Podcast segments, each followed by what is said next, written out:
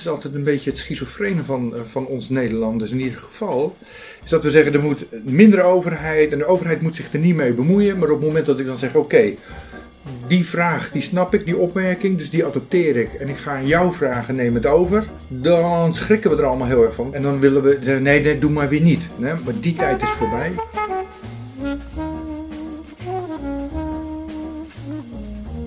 U luistert naar de Therapeut Podcast, een wekelijkse podcast waarin ik, Peter Voortman, openhartige gesprekken voer met therapeuten over hun professie, patiënten en zichzelf. Luister mee naar bijzondere, schrijnende en grappige verhalen uit de behandelkamer. Vandaag ga ik in gesprek met Ato Kool, regiomanager thuiszorg bij Lely Zorggroep. 40 jaar ervaring, van verpleegkundige tot regiodirecteur. Nooit verlegen om een mening of een visie. Een gesprek over thuiszorg, ouderenzorg, maatschappelijke ontwikkelingen. Luister mee.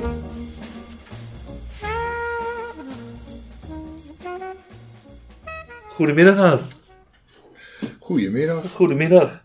Ehm je bent op dit moment voornamelijk eh, verantwoordelijk eh, voor, de, voor de thuiszorg. Regio Rotterdam-Katwijk. Klopt.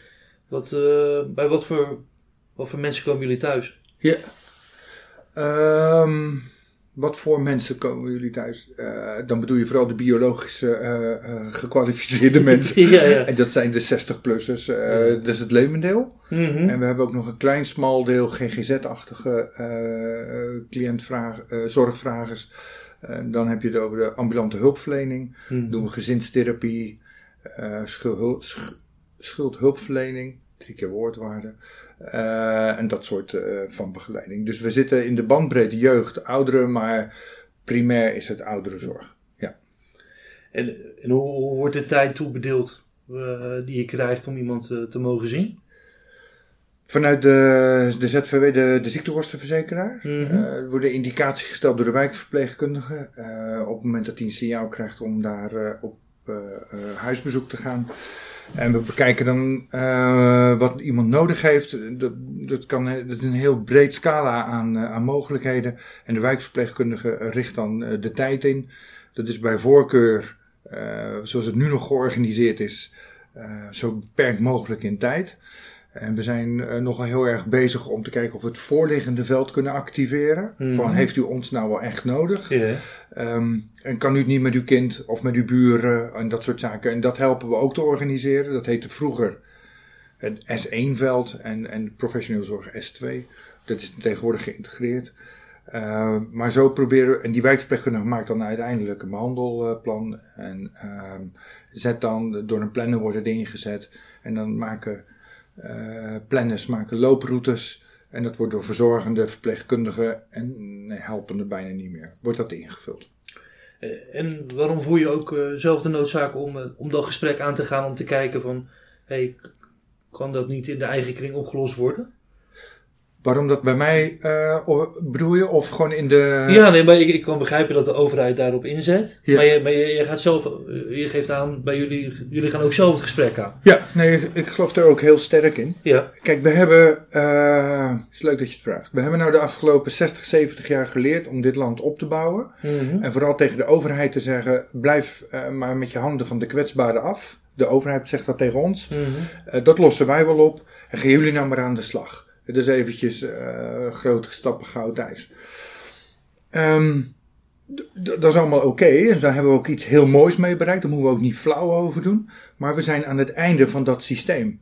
Eh, uiteindelijk hebben we zelfs in het eh, liberale tijdperk, waar per saldo niet heel veel mis mee hoeft te zijn, maar in de zorg is het een foute gedachte, hebben we gezegd van nou, als we het nou zelfs nog een beetje concurrentiemodel maken, Mhm. gaat de kwaliteit ook beter worden.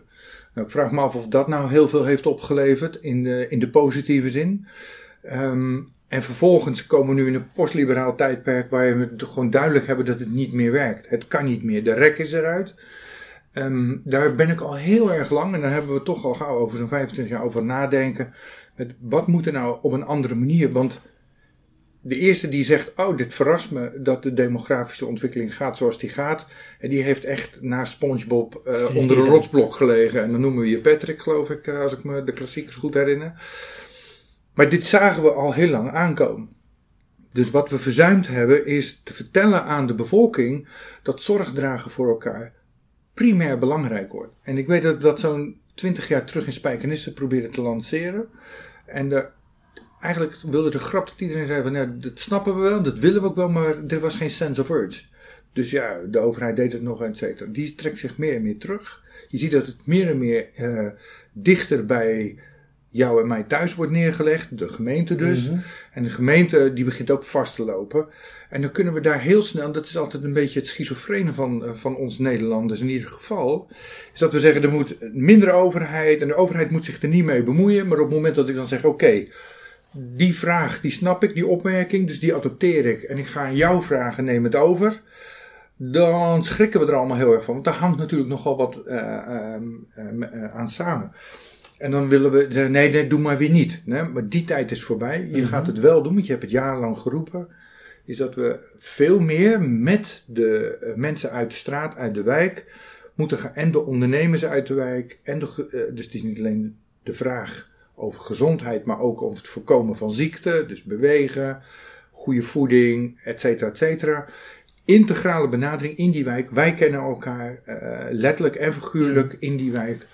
Ehm, zo proberen we dat steeds meer en meer handen en voeten te geven. Dus kijk, eh, het hele lange thuisverhaal, eh, zeg ik wel eens in de vorige financiële crisis, heeft de overheid gearresteerd omdat ze het meteen als financiële prikkel hebben ge- geoormerkt.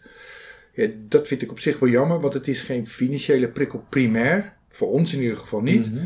maar een maatschappelijk geëngageerde prikkel. Dus dat we zeggen, we moeten wel, de zorg is heel erg leuk, is gewoon supergoed in Nederland. Alleen, we hebben niet meer de hoeveelheid mensen om het allemaal op dezelfde manier, en uiteindelijk ook niet meer de middelen, op dezelfde manier te blijven doen. Dus we willen we dat goede blijven behouden, zullen we partners moeten zijn om dit allemaal te bewerkstelligen. En die denkwijze, die zijn we langzaam maar zeker aan het veranderen. Dus het is eigenlijk tweeledig. Aan de ene kant heb je een maatschappelijke visie waarvan je zegt van nou, die kant gaat het op en eh, daar moeten we op voor sorteren. Ja. Aan de andere kant zeggen van er zijn ook niet voldoende handen om al die mensen op die manier ge- gewoon te zien. Klopt? Nee, dat is gewoon eindig. Ja, ja. En ehm, en dat doen we in de breedte. We creëren ook onze eigen fouten nog steeds in de zorg. Eh, omdat we het Florence Nightingale beeld hebben gecreëerd. Wat is die- dat? Eigenlijk dat ehm, die zorgzame zuster, ook in de mannelijke vorm, die zorgzame zuster, die gaat om je heen staan en die eh, ontzorgt je, et cetera. Ik, dat doen we ook in onze verpleeghuizen bijvoorbeeld. Als ik een klein uitstapje daar naartoe mag maken. Ik weet dat ik een jaar geleden eh, bracht ik mijn moeder naar een. eh, nou, het is niet echt een verpleeghuis, maar wel een omgeving waar ze zorg krijgt. En ik zei: let op, maar ze gaan het per direct van je overnemen. En toen zei mijn moeder: dat is niet waar. Nou, Peter, ehm, tot drie keer toe zei die goede, lieve, aardige zuster dat ze bij mijn moeder kou- kousen kwam aandoen s'morgens. En mijn moeder zei tot drie keer toe: Nee, want die heb ik niet. Dus ja, maar het staat in de overdracht, wij gaan het toch doen.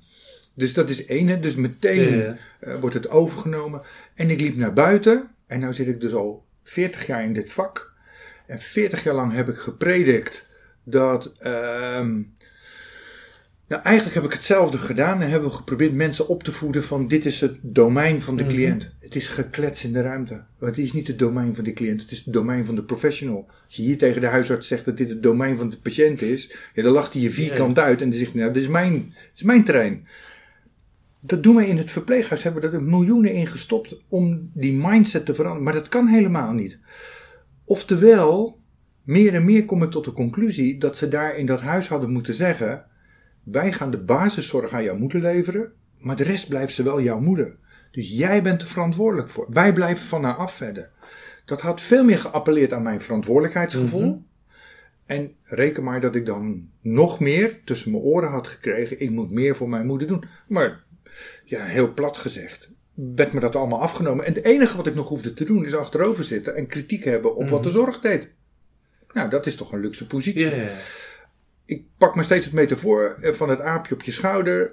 Mijn moeder is als aapje op de schouder gezet eh, van de zorg. Hebben ze zelf gedaan. Vervolgens gaat de zorg, die blijft mijn moeder maar eten geven. Hun schouder, of hoe heet dat ding, sleutelbeen breekt. En uiteindelijk geven ze zichzelf nog de schuld dat hun sleutelbeen is gebroken. Raar is dat toch? Dus, nou dat. Het lijkt me ook lastig, want uh, de mensen die over het algemeen die in de zorg werken, die, uh, die, die willen ook zorg verlenen. Die zijn heel erg zorgzaam. Dus het komt ook, de, de, intentie die erachter ligt is allemaal goed. Hoe, hoe, probeer je dat, die mindset om te draaien dan? Ja, ja dit is heel veel missiewerk. En ook dit soort gesprekken zijn heel erg belangrijk voor om het. Want ik heb nog niemand ontmoet bij het verhaal wat ik hou. Die zeggen: ja, maar dat is ridicule onzin. Hè? Dus uh, coronatijd heeft ons ook weer heel veel geleerd. Is dat je mhm. ziet dat zorgdragen voor elkaar in de meest diverse vorm spontaan oppopt. Uh, het enige wat het vraagt is: hou het in stand. Durf het ook bij die ander te laten. Vertel hem ook. Geef de spiegel van joh, kijk, kijk eens wat er gebeurt. Um, het, gaat, het gaat voetje voor voetje. Um, het gaat ook om uh, ruimte te creëren. Ook een overheid, een inspectie binnen de, uh, binnen de verpleeghuiszorg uh, of in de thuiszorg of in de eerste lijnzorg. Die heel erg repressief zijn geweest, die beginnen nu ook wat meer ruimte te geven. Um, welzijn is een van de hele belangrijke partners. De, het bedrijf Welzijn uh, in de wijken, um, de WMO Welzijn. Mm -hmm. Die kunnen helpen bij zo'n stukje opvoeding. Het gaat om weer durven vragen. En dat, daar moeten we de bevolking in begeleiden. Ik weet dat eh, de wethouder in Rotterdam uh, had een, heeft een mooi programma gelanceerd. En dat heet uh, Rotterdam Ouder en Wijzer. En ik had even contact met hem daarover. Omdat dit model er heel erg in beschreven staat. En ik zei Sven, oh Sven is echt wel aardig. nee, gek, ga mag iedereen op. ik zei Sven, heb je nou, dit is een heel mooi programma. A, vraag ik me af, waarom heb je het oudere hubs genoemd? Want zo noemt hij het, oudere hubs, hub, aansluiten, allerlei connecties kun je maken. Uh, waar ik overigens heel sterk in geloof. Want daarmee kun je dus die all-inclusive wijk creëren. Want als je zo'n hub hebt en je hebt een ondernemer die heeft een winkelfiliaal, hoe noem je dat? Detailhandelfiliaal. Die ook maaltijden levert. Als je tegen hem kunt zeggen: je zorgt nou in jouw wijk dat jij die maaltijden levert, hoef ik het niet meer te doen. Heeft die ondernemer een boterham en die wijkbewoner heeft zijn maaltijd. Dat is heel slim aan elkaar te knopen. Maar ik zeg, waarom noem je dat tegen Sven? Nou, oudere hub, want het gaat over de, de breed maatschappelijke verbinding. Dus heb je nu al een plan bedacht om het ook op de lagere scholen te vertellen wat je wil? En toen viel die nee, zei hij. Hoezo?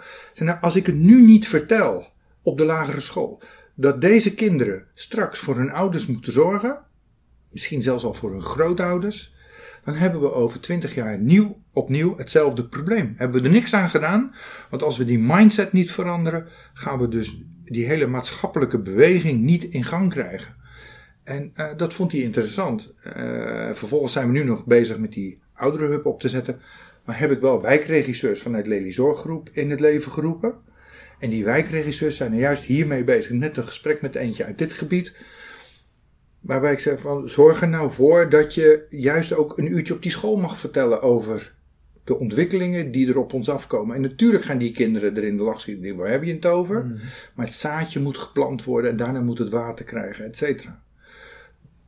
Onderlinge processen. En de derde variant die we uh, moeten, uh, ruimhartig moeten gaan leren ondersteunen is de inzet van, van technische middelen. Uh, we hebben hier uh, in dit gebouw waar we nu zitten, in de Heliant in het Lagerland, hebben we een comfortwoning uh, is ook in het kader van het hele lange thuis laten zien welke technische hulpmiddelen beschikbaar zijn om langer thuis te kunnen blijven. En ook dat snappen heel veel mensen nog niet. Soms is het een simpele sensor van twee tientjes bij de plaatselijke bouwmarkt, mm -hmm. die je kan helpen dat je je niet op je plaat gaat of tegen een deur aanloopt s'nachts, uh, of struikelt over de kat waardoor je je heup breekt. En vervolgens in het ziekenhuis en vervolgens hier gelukkig bij jullie goede visio kan krijgen. Dus een klein beetje snijden in jullie vlees. He, maar um, dat, al dat soort bewegingen, uh, daaraan te trekken en te zorgen dat je in de keten en in het hele netwerk die mindset gaat veranderen en daar veel missiewerk. Daar hebben we allemaal nog te weinig tijd voor. En dat is druppels, maar ik ga ook, ook van nog steeds mhm. vanuit dat door de druppels de emmer gevuld wordt. Je gelooft er wel in dat er een, uh, een cultureel verschil komt. Want misschien dat het, jullie, zijn een, jullie hebben een christelijke identiteit misschien met het uh, vervallen van de zuilen, dat het allemaal wat minder is geworden dat we voor de ouderen zijn gaan zorgen. Zeker mm -hmm. als je vergelijkt met andere, andere landen en culturen, doen, ja, zijn we daar de, eh, niet heel erg zorgzaam in. Nee. En je, je denkt dat er nog een verandering te maken is dat we dat weer wel gaan doen. Ja, ja ik, ik heb de heilige overtuiging dat mensen bereid zijn om te zorgen voor elkaar. Alleen ze moeten Mhm. het snappen, Peter. Ik zal een, mooi, een mooie anekdote. Ik zal, het is echt ja, het is een kleine openbaring. Ik ben hier dus, zoals ik zeg, al heel lang mee bezig. En ehm, op enig moment, een van mijn kinderen, die, eh, die hield gelukkig alleen toen nog maar van voetbal. Nou, niet meer, want ik vind er echt niks aan. Maar die moest. Oh, sorry. Eh, wat het is, weet ik niet, maar ik even. Maar, maar die, die eh, moest naar een voetbalwedstrijd bij ons, eh, een van de plaatselijke dorpjes. En ehm, ik sta langs de lijn, er staat een boerin naast me, ik, ik woon op het platteland. En die zegt: Heb jij gehoord dat de vrouw van Piet is overleden? Nou ja, nee, dus, want dat hoorde ik allemaal niet. En ze zegt: Ja, ze zegt: ehm, En Piet komt nu elke avond bij ons eten. En toen zei ik, in de reflex als professional, eh, eh, professionele mindset waar ik al zo lang mee bezig ben, Mario, zo heette de boerin, wat geweldig dat jij dit doet. Zorg dragen voor elkaar, puur zang. En zelfs in de polder. Dus complimenten. En ik neem mijn zoon mee, ik ga in de auto zitten en ik zeg tegen mijn zoon, wat ik niet zal herhalen, maar in de categorie, wat een boeren oelewappen ben jij vriend. Want wat ik niet had gehoord, was dat Mario een hulpvraag stelde. Je hoort het gewoon niet. We weten het nog niet met elkaar. Dus ik zeg, even wachten, jij blijft even zitten, ik ga even terug. Dus ik ging naar Mario, ik zei, Mario, bedoel jij te zeggen, wil jij Piet ook een keer nemen? Ja, zei ze, dat zou ons zo helpen als gezin. Oftewel, kunnen we veranderen? Ja, dat weet ik wel zeker. Want we hebben allemaal een warm hart voor ons naasten die we kennen. Als jij mij vraagt. Piet is overigens heel snel daarna overleden, want ik denk dat hij niet onze maaltijden eh, wilde of zo. Dat weet ik niet, dat doet het verhaal niet. Maar, ehm, eh, dus als, je, als je het je niet verteld wordt en als je niet begrijpt dat. Kijk, iemand in Delfzijl, het zal voor mij wel. Maar als jij, als zometeen jouw collega zegt: van, joh, Peter zit met een gebroken been thuis en die woont bij jou in de polder, wil jij hem niet helpen? Dan ga ik jou helpen. Dat weet ik zeker. Ja, het is wel 5%. We kunnen ons altijd focussen op de 5% zwakkelingen, eh, gestoordelingen, weet ik wel, die niet doen wat, eh, wat, de, wat de, de mainstream is. Maar over het algemeen, als je vraagt, wil je hulp verlenen aan je naaste, dan zegt bijna iedereen ja. Ik zie het op de lagere school van mijn kinderen. Ik weet dat we daar net voor de eerst kwamen en ik heb nogal wat kleine kinderen, zes overigens. Maar, ehm, en dat die directrice zei, ehm, ze mogen hier komen, regionale school, maar dan moet je wel, keek ze me aan, ook jij moet melk komen schenken. Ik zei, nou even niet voor het een of ander. Dus ik moet van Rotterdam naar Middelharnis komen om melk te schenken. Ja, zei ze, want zo, zo, zo doen wij dat. En toen zei ik, nou, dat is een heel goed idee, maar ik ga het alleen niet doen. Maar ik voel wel mijn verantwoordelijkheid. Mag ik niet iemand uit de wijk vragen hier in Middelharnis die dat komt doen en die geef ik dan bijvoorbeeld 5 euro per keer? Nee, zei ze, dat mag niet. Ja, toen zei ik, dan komen mijn kinderen niet. Kortste eh, eh, eh, afwikkeling van dit verhaal is dat het uiteindelijk wel mag. Mijn vrouw in het bestuur is gegaan en nog eens een keer heeft uitgelegd. Want we wilden gewoon dat die kinderen daar wel kwamen. Nog eens een keer heeft uitgelegd. Kijk, dit is het gedachtegoed erachter. En toen zei ze, maar nu snap ik het. Alleen in dat gesprek, oh, spanning en weet ik veel. Dus toen kwam het er even niet. Je moet er tijd voor nemen. Je moet het laden. En je moet het begeleiden. En dan komt het echt goed. Dat geloof ik wel. Maar we moeten wel meer en meer het geluid van aandacht hebben voor elkaar. Durven te vragen. Mijn eigen ouders. Ben ik wel eens boos op geworden en gezegd. En boos als kind, hoe ver mag je gaan? Maar je snapt wat ik bedoel misschien. Is dat ik zei van, weet je, jullie grootste probleem is dat je me nooit eens een keer schuldig laat voelen omdat ik geen hulp kan geven. Jullie vragen het ook gewoon niet. Vraag gewoon eens een keer om hulp. En als ik klem kom, dan moet ik ook misschien een keer nee zeggen. Nou heb ik er ook last van. Nu heb ik er alleen maar last van dat je nooit wat vraagt. We vragen het niet. Dus het is leren. Ja, dat kan. Lang antwoord op een korte vraag. Wij gaan het leren. Want wat, wat ik een beetje wat ik, wat ik lastig vind is dat eh, als je kijkt naar de, naar de, naar de zorg, er, is heel veel, er zijn heel veel tekorten eh, aan personeel. En ja, ja, jou- jouw eh, Twitter-account is het zorg is leuk. En volgens mij is, eindig je bijna altijd met de zorg is leuk. Klopt. En ik vind het, dat, je zegt dat ook.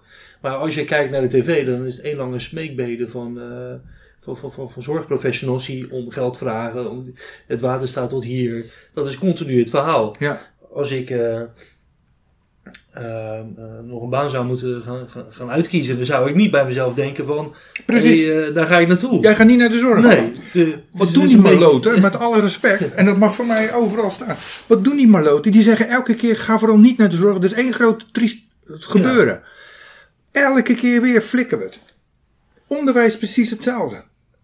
Continu gaan we zeggen dat het zwaar is, vies is, onderbetaald. Het is het rotste baantje. Welke maloot gaat dan in de zorg werken? Mm -hmm. Dus al die vakbonden, al die types, links, rechts, maakt me allemaal niet uit, die zo proberen de zorg op de kaart te krijgen. Want Mhm. mm. hun, ten, ik hoop in ieder geval, dat ze ten diepste bedoelen te zeggen: ga alsjeblieft in de zorg werken, Ja. want dan hebben we straks nog Ja. een beetje hulp. Die snappen niets van marketing. Mhm. Want ik word verleid om in de zorg te gaan door een passievol verhaal te, te houden over wijkgericht werken. Ja.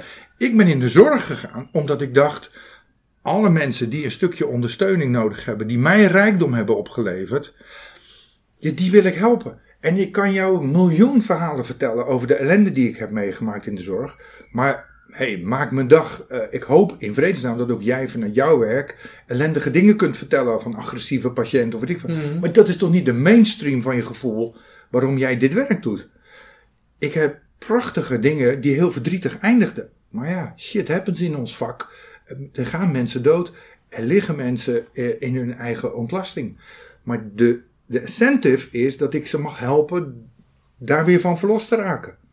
En, en weer een prettige dag.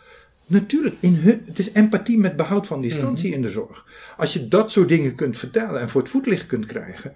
in een redelijk betaalde baan, Peter. Als je kijkt naar eh, de financiën die mensen krijgen. leidt er niemand honger in de zorg. Dat geloof ik echt niet. Ja, dat wij niet zoals eh, miljoenen hebben op onze bank. eh, omdat we, eh, dat ooit iemand eens een keer wat geld heeft verdiend, blijkbaar. Dat klopt. Eh, maar misschien ook wel, hè? Want er, er kunnen ook partners zijn die heel goed verdienen. En, eh, dus wij hebben normaal betaalde banen. Maar wij hebben een waanzinnig positief voordeel als je werkt in de zorg. Is dat kwetsbare mensen, het rijkste wat er is op aarde, vind ik, is dat je mag zorgen voor een ander ziel, voor een ander mens. Voor een leven die. Ik, ik ben jarenlang, en daar kan me nog van geëmotioneerd eh, raken, eh, ben ik Sinterklaas geweest. Eh, overigens nooit voor kinderen, want eh, ik zei tegen de echte Sinterklaas, dat moet jij doen. Ik val geheid door de mand, want dat, ik ben een watje wat dat betreft. Ik deed dat altijd voor de patiënten, eh, de cliënten en bewoners. En eh, nog niet zo heel lang geleden, een jaar of acht, negen, ben ik ermee gestopt. En dat was vooral omdat ik het eigenlijk niet meer zo mooi... Ik ging als Sinterklaas door de, in dit geval door de burg die door het Laagland. En ehm, ik kwam bij een meneer en die begon vreselijk te huilen.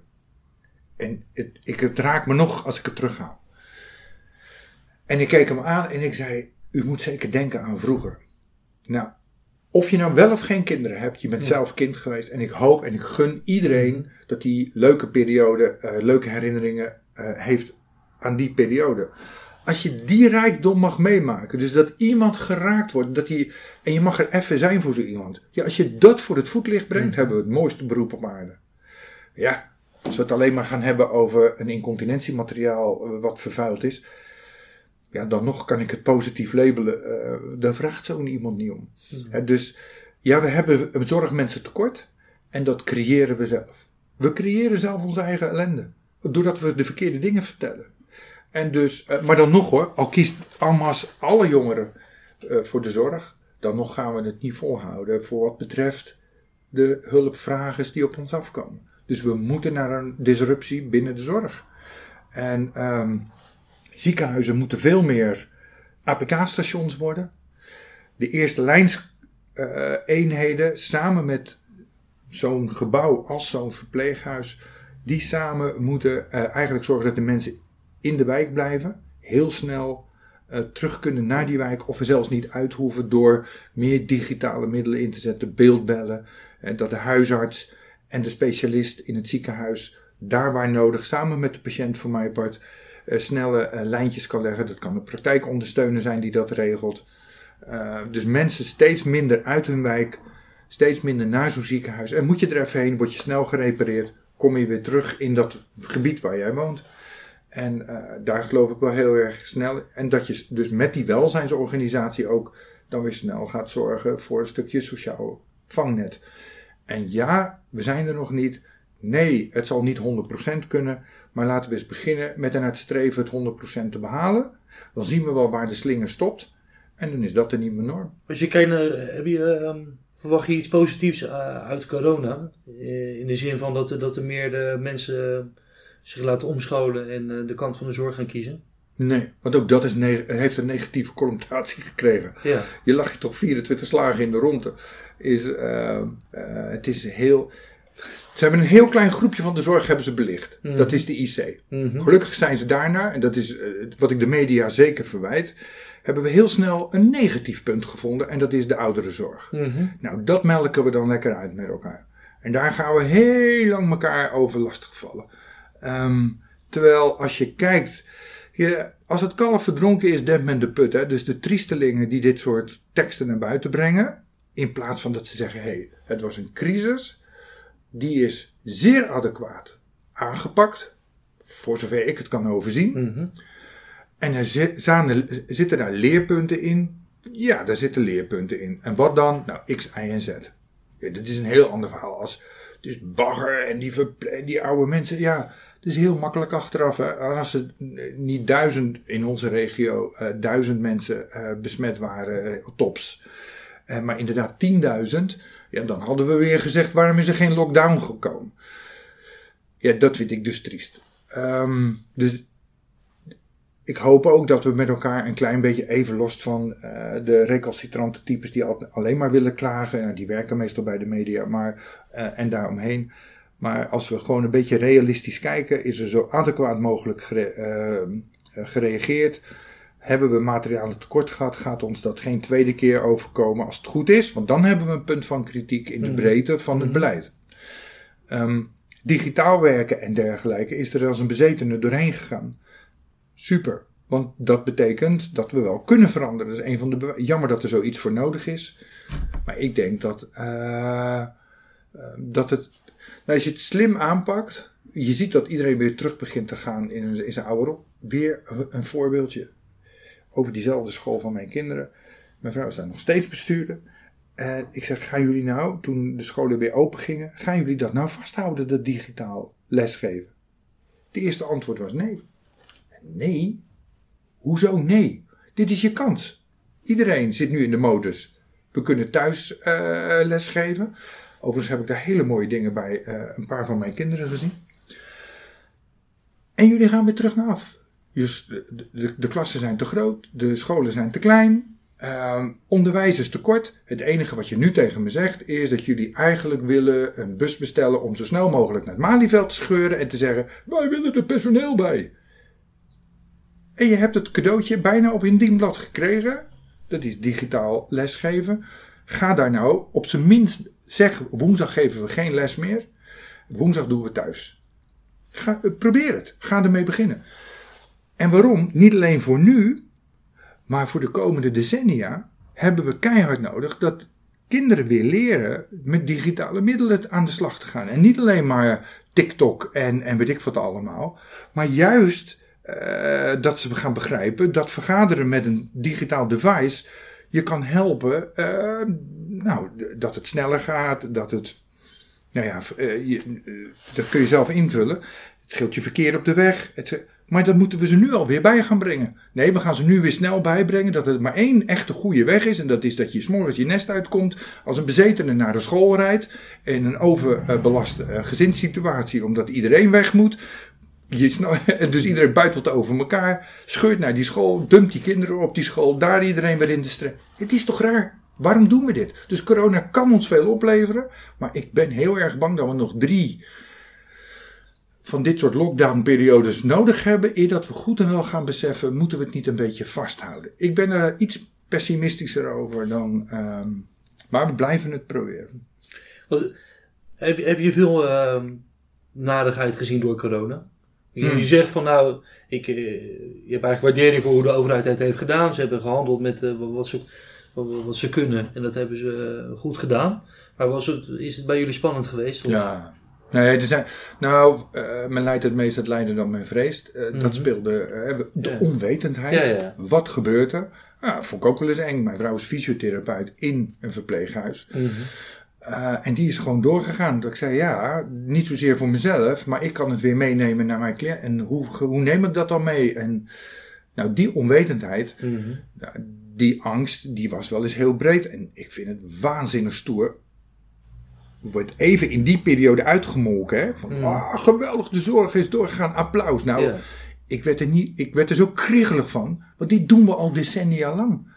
Als er norovirussen zijn, Mhm. krijgen we geen applaus. Maar staan die meiden en jongens, maar vooral, eh, die staan daar gewoon. Van hulp bij huishouding tot palliatieve zorg. Huisartsen, you name it. Iedereen staat gewoon aan die frontlinie. Al decennia lang. Dus zullen we daar dan elke dag even bij het opstaan en het volkslied en even applaus geven. Maar dat, maar dat moeten we ook voor de bakker en dergelijke. Dus het is, het is emotie, flauwekul. Ja. We doen goed werk. ehm, en, ehm, en, en, en, en is er leed? Ja, natuurlijk. In die verpleeghuizen, door die lockdown, zijn er vooral aan de familiekant hele verdrietige dingen Mhm. geweest. En, en sommige cliënten, denk ik ook wel, mensen met een eh, verstandelijke beperking, die beseften dat hun ouders niet kwamen. Dat maken wij in ons verpleeghuis dan niet mee, maar wel in het netwerk hoorde je dat.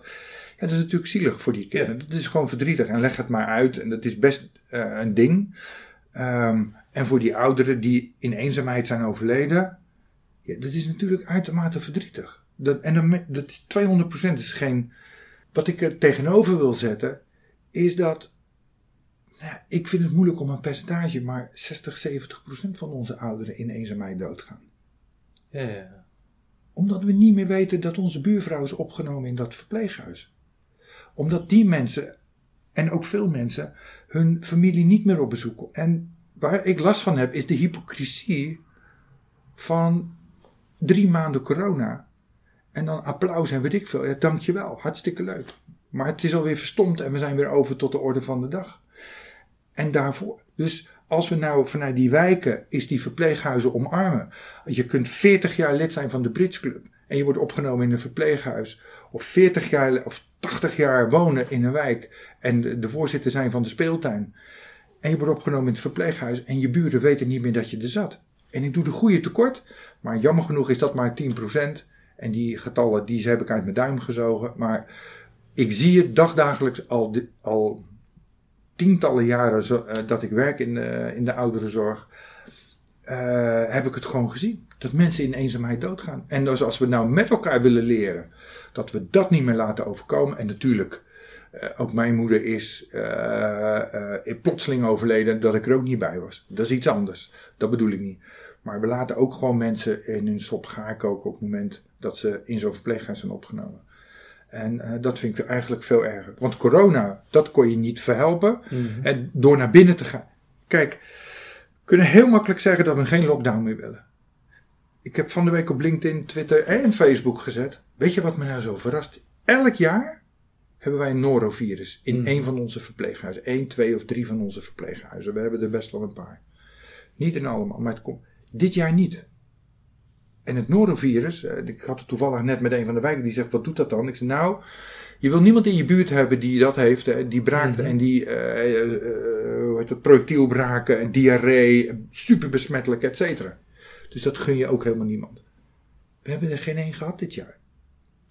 Wat zegt dat? Zou die lockdown nou ook hebben voorkomen doordat we en nog heel veel meer, ik weet niet wat het antwoord is, veel hygiënischer eh, hebben gewerkt. Mhm. Dus daar, dat heb ik ervan geleerd. En dat is eh, in ieder geval ermee voorkomen. Of omdat we geen bezoek. Ik doe geen pleidooi om geen bezoek meer te doen. Maar dat zou ook nog wel eens een keer Ja. een reden kunnen zijn. Dat, dus er is ook leed voorkomen. Er is leed geweest. Ik heb het gezien. Ik heb veel angst gezien. Angst gezien bij medewerkers die maar door bleven gaan. Ook in de huishouding. Ook in de verpleeghuizen. Ehm, en ik, ik- we, we hebben, eh, eh, ik geloof 3000 personeelsleden, weet ik niet. En ik geloof dat er, als er, als er 50 gestopt zijn, is het veel. De rest is allemaal gewoon doorgegaan. Ja, chapeau. Echt super.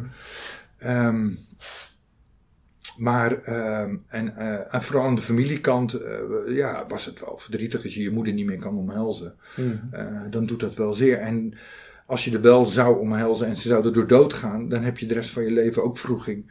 Ja, nu kun je boos zijn op een overheid die de boel heeft dichtgegooid. Anders had je verdriet gehad omdat jij de oorzaak was misschien. Ja. Uh, laten we hopen dat we er veel van geleerd hebben. Protocollen liggen klaar. Ik vind dat onze zorggroep heeft het echt super gedaan. Dat is, uh, die mensen zijn 24, is een klein groepje, 24-7. En echt, dit is niet beeldspraak, maar daadwerkelijk waar. Uh, zijn die paraat geweest en hebben die continu klaargestaan om van alles te regelen, te organiseren. Om maar het, het kaarsje te zijn, de misthoren in, in, de, in de duisternis. En uh, dat heeft ons als, als, als, als uitvoerende, als managers, als directie, weet ik wat allemaal, ontzettend geholpen. En dat is ook wel grappig. Wat, wat het ook opleverde, is, ik, ik roep het eigenlijk al heel, vrij lang. Ik zoek een wereld, en als we dan weer komen op die maatschappelijke transitie. -hmm. Zoek een wereld tussen de gepolder en Kim Jong-un. Met zijn Noord-Korea. en COVID was dat. Mm -hmm. Die periode. Um, was toch dat, uh, dat, dat, dat hele uitbraakteam wat we hadden, van een mannetje of tien, ja, die besliste gewoon. En de grap wilde dat ik een lange periode, dat ook zelf, want ik gunde een ander die plek. Ik zou dat nooit meer doen, eerlijk gezegd. Want het is ook uh, goed om uh, in zo'n crisis, ik vind dat zelf ook, ik, ik word daar, krijg de energie van om een crisis te bestrijden. Mm -hmm. um, dus als je aan de zijlijn staat, dan moet je volgen. Dat is maar ook wel heel leerzaam. Maar het werkte wel als een tierenlier. Beste broeders en zusters, we gaan met z'n allen naar rechts, want we zien daar zijn de mondkapjes, daar kunnen we dit, daar kunnen we dat. Nou, dat hebben we drie maanden volgehouden. Toen begon ik ook wel weer een klein beetje te verlangen naar polderen. dus ik ben er nog niet helemaal uit hoe het moet. Maar uh, dat heeft het ons ook wel weer opgeleverd. Snelle beslissingen. Ja, ja dan gaan jullie dit evalueren en kijken van, ja. hey, wat, wat, hoe, hoe gaan we dit, uh, ja. ook met op het gebied van bijvoorbeeld een norovirus, dat je kijkt van naar Zeker. protocollen en hoe je dingen inricht. Zeker. Want, ja. Ja. ja we hebben net, uh, dat is, wij noemen dat uh, als nieuwe medewerkers onboarding.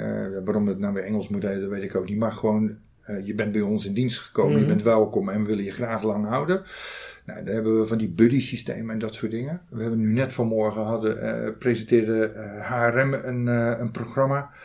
En wat je nou zag is dat ze daar dat, dat buddy systeem verder willen verdiepen.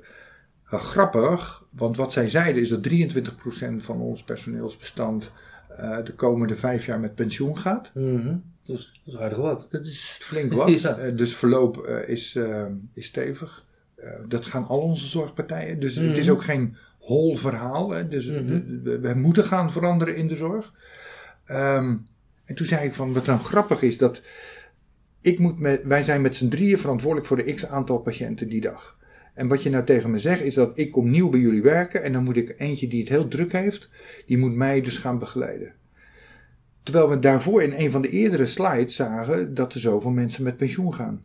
Dat zijn mensen met senioriteit. Als we senioriteit nou weer eens gaan labelen als kwaliteit, mm -hmm.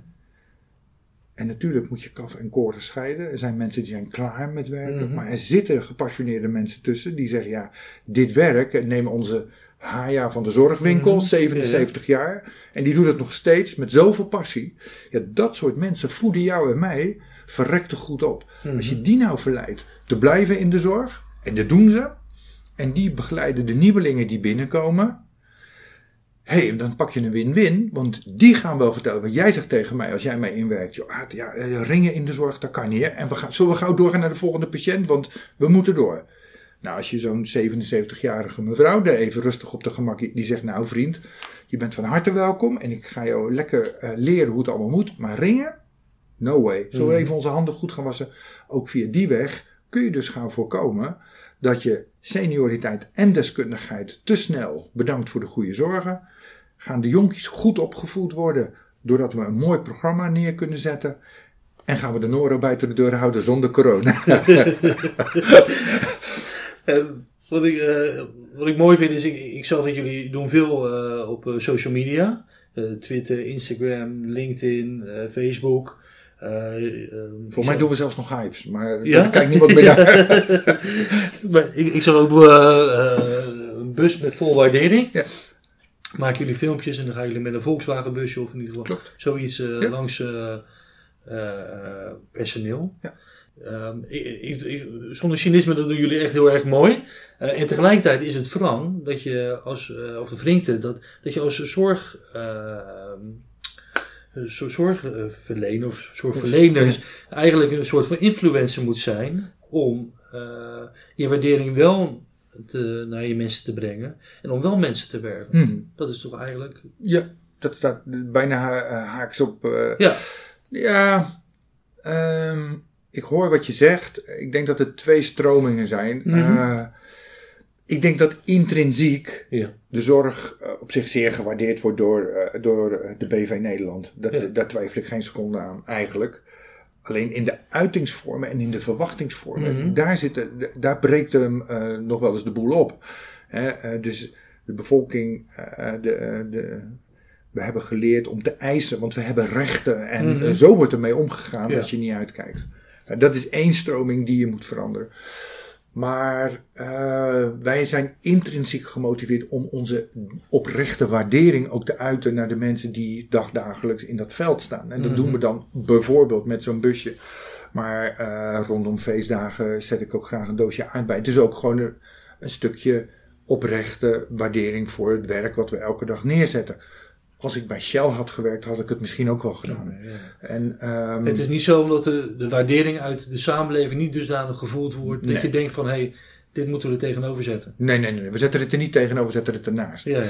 En uh, proberen ook in de slipstream mee te krijgen uh, uw waardering. Mm uh, dus um, als we met dat busje, van de week ben ik er weer mee naar Katwijk geweest, omdat zes mensen diplomeerden. Mm -hmm. dat is een een leuke uitdaging. ik rijd liever in mijn open auto erheen. nee, maar zonder dolle. Het is leuk om te doen. En, en wat je onderweg dan zie, uh, in de slipstream meeneemt, is uh, boze vrachtwagenchauffeurs. Want je schiet niet op in zo'n oude T1. maar uh, mensen reageren er allemaal op wat een leuk busje. Je mhm. appelleert ook aan ja. herinnering. En, en dan kan ik ook een verhaal er weer bij houden. Ook bij passanten. Want missiewerk zit hem ook daarin. En missiewerk zit ook juist bij onze medewerkers die deze waardering niet alleen moeten voelen, maar ook weer moeten gaan uiten in plaats van dat zieltogende, verdrietige media uh, gecommuniceerd. Dat ze zeggen, nee, daar moet je helemaal niet naar luisteren. Weet je, de media is nog niet eens in staat om het verschil tussen verzorgingshuizen... Nog steeds noemen ze verzorgingshuizen. Die zijn er al tien jaar niet meer. Ik, ik twitter me groen en geel van kap nou eens een keer met die verzorgingshuizen. Je noemt een, uh, een TGV toch ook niet een stoomlok? Weet je, dus waarom blijf je dit doen? Maar ja, dat is natuurlijk roepen in de woestijn. Um, dus daar zit voor mij veel meer van. Je bent niet echt geïnteresseerd. Mhm. Je bent alleen maar media. nou ja, uh, ja, ja, ja. En, en dus als die mijn. Ik denk dat media de sleutel is tot. Mhm. Als het volk ziet corona, mm goede zorg, media gaat er goed mee om, dan komt er een applaus. Als we één keer een, een uitglijder hebben, die in elk beroepsgroep gebeurt, mhm. hoe verdrietig en hoe lastig ook, als een, uh, uit een shovel een bak uh, stenen bij iemand op zijn nek valt, ja, dan hebben we ook even een dingetje. Dat gebeurt gelukkig niet elke dag, maar het kan een keer gebeuren. Zo kan het ook in de zorg, kunnen er ook fouten voorkomen. En daar zijn systemen voor om dat te beoordelen en dat te veranderen. Dat gebeurt ook. Maar de media put het dan gelijk helemaal diep uit. Mhm. En zegt dan, zie je, het is alleen maar bagger en kommer en kwel. Ja, dan ga ik het niet werken. Nou, het, het, ik geloof ook dat het de media is. En tegelijkertijd denk ik dat er ook best wel veel uh, zorgpartijen zijn die denken van... Ja, wij willen graag meer budget. Oh, en, dat, en dat gun ik ze ook van harte. Niet. Maar die, die gaan dan met een verhaal... Ja, als jij meer geld wil, dan ga je niet vertellen hoe fantastisch het is. Dan ga je vertellen van nou... Uh, nee, daar ben ik het niet mee eens. Nee, nee, nee, nee. nee. Daar ben ik, ik, ik, ja, ik herken dit gedrag. Ja, ja. Maar, maar, jij zegt van je moet juist wel vertellen. Ja, nee, 100 procent. Ja. 100 procent. Al sinds jaar en dag, uh, sinds ik uh, daar verantwoordelijk voor mag zijn, hoe groot of hoe klein mijn gebied ook in mijn carrièrelijn is geweest, heb ik altijd gezegd: het gaat mij om de inhoud en de goede ideeën. Mm -hmm. En die gaan we omzetten in daden. En het geld volgt. En tot nu toe, Peter, komt dat geld er ook. Want iedereen is bereid om te betalen voor goede ideeën en goede zorg. En dat hoeft niet à la uh, uh, de grootgrutters en de, de olieproducenten en de, de billykastenproducenten. die hebben aandeelhouders, ik heb gemeenschapsgeld en ik moet daar verantwoord mee omgaan. En wat ik daarmee doe, is gewoon goede zorg verlenen en steeds een stapje beter. En eh, de checks en balances zitten bij mijn cliënten. Die mij eh, op de vingers tikken en zeggen van nou vriend, het eten is hier niet lekker. Zou je dat willen verbeteren? Nou, als ik een goed ondernemer ben in de zorg, ben in de zorg dan wil ik dat ook wel, want ik wil een leuke naam. Ja. Dus dat doen we ook. Er zijn partijen, en zeker de versnippering, nou daar ben ik het met Hugo de Jonge heel erg eens, is de versnippering tegengegaan. Daar loopt heel veel geld weg. Wat niet nodig is. Kleine bedrijfjes die ehm, dankbaar misbruik maken van onze eh, postliberaal systeem. Dat moet stoppen. Ik geloof in wijkgericht werk. Ik geloof in hooguit twee aanbieders in een wijk. één of twee. Ik geloof zelfs in een, een, een personele unie in een gebied. Maar dat is nog een brug te ver, eh, heb ik begrepen voor vele bestuurders. Ehm, want het gaat ten diepste om onze belastingcenten om te zetten in goede zorg. En wat is goede zorg? Is dat zoals jij het beleeft. Niet met lijstjes en. Zoals jij het beleeft. Zoals jij zegt van dat kan ik. En, met de mensen in jouw omgeving. En toegevoegd met wat wij erin kunnen stoppen. Die hele versnippering die maakt het onnodig duur. En eh, levert gewoon niet op eh, wat het moet opleveren. Dus dat moet veranderen. En we moeten vooral vertellen dat we het redden. We kunnen ook, denk ik, met hetzelfde budget ook veel meer doen. Maar dan moet en die overheid een klein beetje meer vertrouwen hebben. En dan ook de vertegenwoordigers van die zorgverzekeraars en dergelijke. Ehm, en we moeten eens gaan pionieren. Want uh, we blijven nu wel heel erg hangen in het oude model. We weten dat we naar iets anders moeten. Maar het oude model is ook wel weer zo fijn. En, en dat doen zorgpartijen ook, net zo goed. En uh, dat gaat dus geen verandering dan opleveren. Ja, en dan gaan we weer om meer geld vragen. Eh, dat is niet de oplossing. Het is niet, er komt niet meer personeel. Het komt er gewoon niet. Ik wil wel geld hebben op basis van dit verhaal, dat wijkgericht werken, omdat ik jou moet vertellen dat jij voor je buren oog moet hebben. Daar heb ik even ruimte voor nodig. Ja, en, maar oké, dat gaat er ook vanzelf wel komen. Dat weet ik zeker. Wat ben je niet bang als je uitgaat van uh, zeg maar de twee grote partijen in een uh, bepaald gebied, dat, uh, dat ze te log worden om mee te gaan met de ontwikkelingen? Ja. Nou, in een bepaald gebied, neem Prins Alexander. Ja. Uh, dat is 90.000 inwoners. Hmm. Dat is een best groot gebied. Ik denk dat je dat, als je voor Rotterdam zou kiezen, bijvoorbeeld voor vier zorgaanbieders, Mhm. dat je uh, Alexander tussen die uh, zo kan inrichten dat alle vier de partijen A. voldoende werk hebben in het oude denkmodel dat die zuilen er nog zijn. Maar goed, Mhm. laten we ze er even nog. Ze zijn er morgen niet weg. Um, en flexibel genoeg zijn. Toen ik uit het lage land uh, daar een aantal jaren ervaring had opgedaan en ik ging naar Kralingen, of tenminste kreeg ik erbij. Toen wilde ik het model één op één daar kopiëren, het model van wijkgericht werken, verbinden, et cetera. En ik weet dat een prominent politicus, uh, toen nog zelfs minister, die woont in de achtertuin van een van onze verpleeghuizen. En uh, ik doe het steeds als voorbeeld. We zijn nooit in die fase gekomen. De, maar ik dacht, ik ga hem vragen of hij het gras bij ons zou willen komen maaien. Want hij is ook buurtbewoner. En dat doe ik in het lage land. Doe ik dat ook. Dan loop ik ook niet. Maar toen zegt ze, zou je me niet willen helpen? En dat doen ze ook allemaal. En daar dacht ik, ik zie het volgende gebeuren. Dat hij dacht, nou meneer de Kool, ik dacht toch niet dat ik kwam gras maaien. Dat ga ik niet doen. Hè? Het is buiten... Toen kwam ik de seniorenraad tegen. En die zei, ja maar dat moet jij ook. Dat is echt gebeurd. Sorry. dat moet jij helemaal niet doen. Dat gaan wij doen. Wij spreken de taal van deze wijk. Dus wat wil jij? De vraag werd gesteld, wat wil jij? Nou, dit is het model. Oké, okay, gaan wij voor jou regelen. Maar het werd ook geregeld. Wat ik eruit leerde, je moet de taal van de wijk willen spreken. Mm-hmm. En de wijk gaat uitmaken welke, welke uh, checks en balances er moeten komen.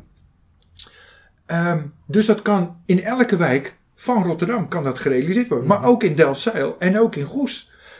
Dus als je luistert naar de omgeving, moet je vooral het model vooral proberen uh, van het samen doen. Sa en laat de krachten daar. La laat het gebeuren, maar begeleid het wel goed. En let op, hè, de, niet de schreeuwers moeten winnen. Niet de zwakste moeten van de wagen afvallen. Mm -hmm. ja, dat moet je begeleiden. En dat vraagt om een hele andere stijl en beweging. En dat is wel een grote uitdaging. Um, dat is één. En twee, vind ik ook, die krijg ik ook heel vaak terug. Ja, maar de klantkeuze. De klant moet kunnen kiezen. Ja, dat is, dat vinden, uh, ik kan zeggen wij als VVD, maar dat is zo, uh, dat is het oude marktdenken. Ik denk, met alle respect, en dat is niet waar mijn zorggroep uh, nu in deze huidige geest 1, 2, 3 voor staat. Maar ik denk dat de dagen geteld zijn dat de klant keuze heeft. Maar eh, bij de thuiszorg heb je al niet, niet echt een keuze, toch? Nou ja, je kunt voor, eh, zeker voor de vier grote partijen over het algemeen wel kiezen hier, bijvoorbeeld Ja. in het Lage Land. Dan je, als je... Ik zou je nog sterker vertellen. Ja. Wij, hebben, eh, wij zijn een breed christelijke partij. We hebben ook een reformatorische Mhm. eh, eh, deel. We hebben in Prinsenland een gebouw staan van tien hoog. Daar wordt alleen reformatorische zorg geleverd. En De mensen kiezen daarvoor. Dus het laatste is een beetje in het Rotterdamse, dit gebouw. Dus het doet ertoe. En er komt één cliënt van buiten. En die gaat daar wonen en die zegt één ding. Ik wil van jullie reformatorische zorgaanbieder eh, geen zorg. Die wil ik van partij X. En wat zegt partij X? Nou, dat is goed, gaan we doen. En ze doen het. Dit is ridicule waanzin. Dus een grote partij, heb ik ook teruggegeven aan die Mhm. partij en gezegd: waar ben je in vredesnaam mee bezig? Dit is voor jou niet interessant. Dit werkt aan geen één kant. Dus waarom doe je dit? Ja, nou ja, geen eerlijk antwoord. Anders nou, je kom je niet verder. Geen eerlijk, dat bedoel ik niet in eerlijk of oneerlijk, maar geen rationeel antwoord. Mhm. Anders dan, ja, de klant vroeg het, dus dan doen we het. Ja, ik zeg, maar als wij nog vinden dat de klant zijn keuze mag bepalen. Nou, Peter, ik geef je. Dat gaat echt niet lang meer goed, want daar hebben we de mensen niet meer voor. Eh, We werken allemaal al met tijdsblokken. Dat was Mhm. tien jaar terug nog niet nodig, nu wel. En ik durf te voorspellen dat je blij mag zijn dat je zorg krijgt. En als we nog blijven eh, vasthouden aan eh, keuze, dat is dan ook geen probleem, zou ik dan zeggen. Maar dan moet je ook echt willen kiezen. En dat betekent dat je in dit voorbeeld van de ene partij die daar stevig zit en die kan jou bijna in, in een binnen een bepaald tijdsblok van een uur van dienst zijn. Dan moet je ook zo stoer zijn als je zegt, nee, dat wil ik niet. Hè, dus ik wil bijvoorbeeld, ik geef maar bijvoorbeeld om acht uur wil ik uit bed geholpen worden. Mhm. Nou, dat kunnen zij in dat gebouw, dat dat kunnen ze denk ik wel regelen. Dan moet je ook zo stoer zijn om bereid te zijn. Nee, ik wil toch die van die andere partij. Dat je zegt, nou ja, oké, dan kom je om twee uur je bed uit. Dan kan je als klant echt kiezen. Oftewel, zoals ik wel eens, eh, een van mijn managers, die, eh, nu doet ze het niet meer, die belt dan op en die zei, de- eh, zei in het begin, ik heb een klant die wil dagbehandeling van jullie, eh, van ons, in, in Kralingen of hier in, eh, in het Laagland, omdat we een christelijke partij zijn. Ehm, kan dat? Eh, die woont in Krimpen. Of in Capelle, weet ik veel. En dan zei ik altijd ja. Dat is nooit een probleem. Nooit. Want wij zijn er voor iedereen altijd. En als zeker als iemand dat belangrijk vindt. En dan zei ze, oké, dan ga ik het regelen. En dat, dat had ze twee, drie keer gedaan. Dan zei ik, oh, oh, oh, wacht even, ik heb nog een vervolgvraag. Wat kost, wat kost jou dat? En dan zei ze bijvoorbeeld eh, eh, 15 euro. Hoeveel krijg je van de gemeente? 5 euro. Dan ga jij aan die klant vragen, want die vindt het heel belangrijk dat hij die 10 euro. Dat doe ik niet de personele last hebben, ik wil, maar die 10 euro. Ja, kom, er hoeft geen geld bij. En Peter, niemand heeft gezegd: dat is een goed idee, dat ga ik doen, want het is mij zoveel waard dat ik die 10 euro wel ja. wil betalen. We blijven ook wel een beetje Hollanders, hè? Mhm. Ehm, dus dat vind ik ook met specialisme. Laat de klant ook echt in de keuze dan. Wil je om 8 uur geholpen worden, kan je het van bedrijf A doen. Wil je dat niet? Ja, sorry, dan wordt het 2 uur. Wil je eh, die dagbehandeling echt en daadwerkelijk hebben? Dat kan, is geen probleem. Alleen dan moet je bijbetalen. Of ik ben homoseksueel, ik, ik moet worden opgenomen. Kan dat bij, bij het bedrijf A? Nee, die heeft dat niet. Maar in het centrum, daar zit bedrijf X. Die heeft wel een huis met een afdeling voor eh, eh, mensen die van homoseksuele huizen zijn. Ehm, dan ben je bereid om daar naartoe te gaan. Dan is het niet in jouw wijk. En als je dan echt die keus bij die klant laat, ja, dan wordt het natuurlijk super interessant met wat er gebeurt. Mhm. Dus de- het, het gaat alle kanten op, moet het gaan bewegen. En eh, ja, ik weet dat mijn eigen ouders ook zo'n keuzemoment, die konden een scootmobiel eh, krijgen. En dat is alweer even geleden, dat is wel Mhm. veranderd. Maar zo is ons denk dat mijn vader zei, ja, maar dat hebben wij niet nodig. Ja, zei die eh, meneer van de gemeente niet in Rotterdam, was daar buiten.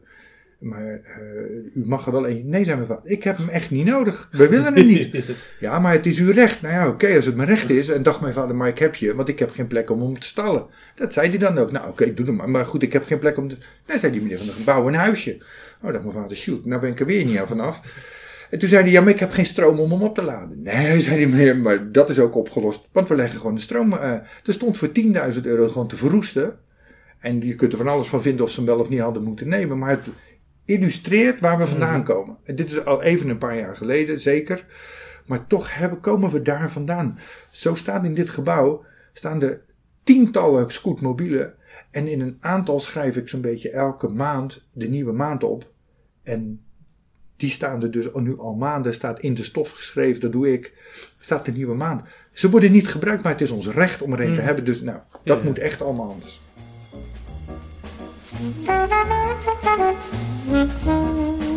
U luisterde naar de Therapeut Podcast. Abonneer u via uw favoriete podcast-app en krijgt elke week automatisch een nieuwe aflevering.